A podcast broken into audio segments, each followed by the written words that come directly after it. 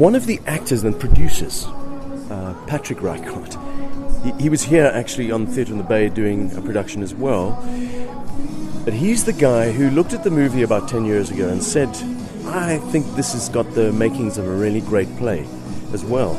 So he phoned James Dearden, the writer, the original screenwriter, and he said, and he's British, James Dearden. You'd think he, he was American, but Yeah. he lives in London. He said, Can you make an ad- adaptation for us and we'll see what we can do with, um, with the National Theatre or some of the other theatres? And that's what they did. So, um, and that was the fascination that I had with the script too. How do you come with a vision of something for screen and adapt it? What do you, what was, because the languages are completely different screen and stage. And when they did it in London, it was very cluttered. They had, um, it was too wordy, there was too much explanation. The sets were huge. They tried to make New York on the stage, and it didn't work. Apparently, it was too labored, um, it wasn't easy to watch. And then someone in Holland, in Amsterdam, um, asked for the rights. And so the, the producers were quite interested, and they flew across. So it's Patrick Reichart, uh, and it's um, Robert Fox, who's one of the big West End producers, and they're friendly with Pieter Toerien. Okay. So they go and they see this production in Amsterdam, and they see what this Belgian director has done. She's just stripped everything down, taken all the clutter away, and and this is what we experienced. The, the same, the same process. Ja, want as ons nou vir die luisteraars verduidelik, dit is 'n gestroopte verhoog.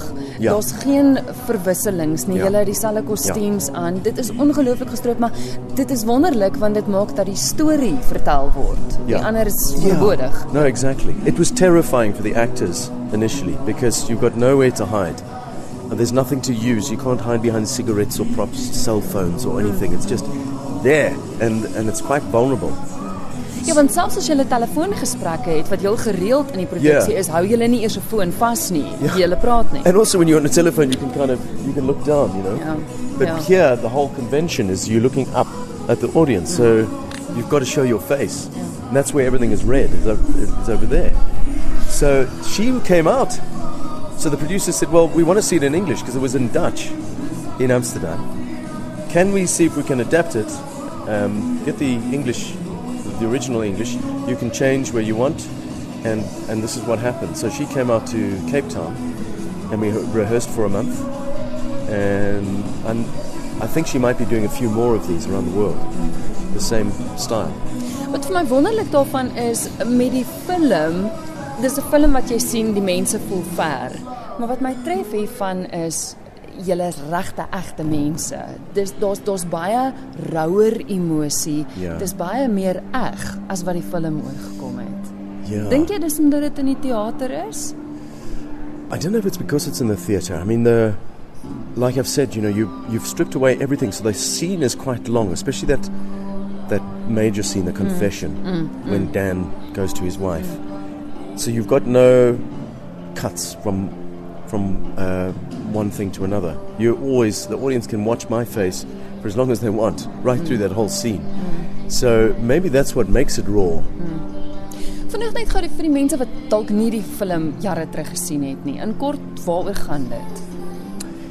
Well, it's it's about the fatal attraction is an attraction that this married man has for a, a, a young woman. In this case, it's a it's a very young woman in a bar. He goes to um, hang out with a friend of his who's just recently divorced, and I think he feels like as a friend he should just be there for him. But the, the friend leaves because he has to go and attend to some something for his family. His son's falling off the rails, and uh, he gets left with this woman, and what I like is that it, it could happen to any person. You know, when you watch it unfolding, you think this could be any guy in this situation. He's not he's not looking around to get involved.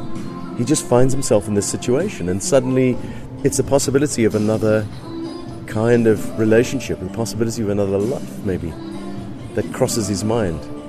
So that the story revolves around that fatal attraction that starts going sour.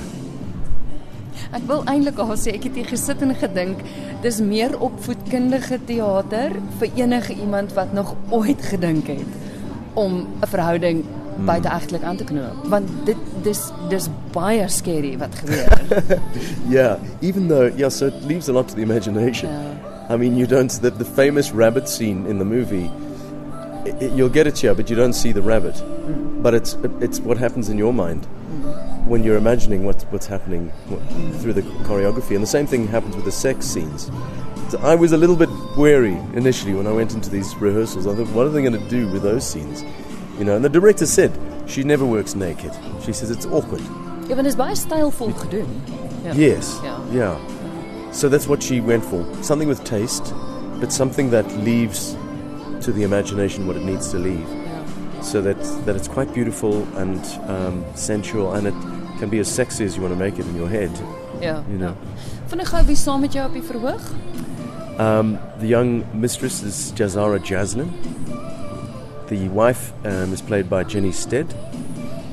Joe De Silva plays my mother-in-law, and Alex Tops plays my mate Jimmy.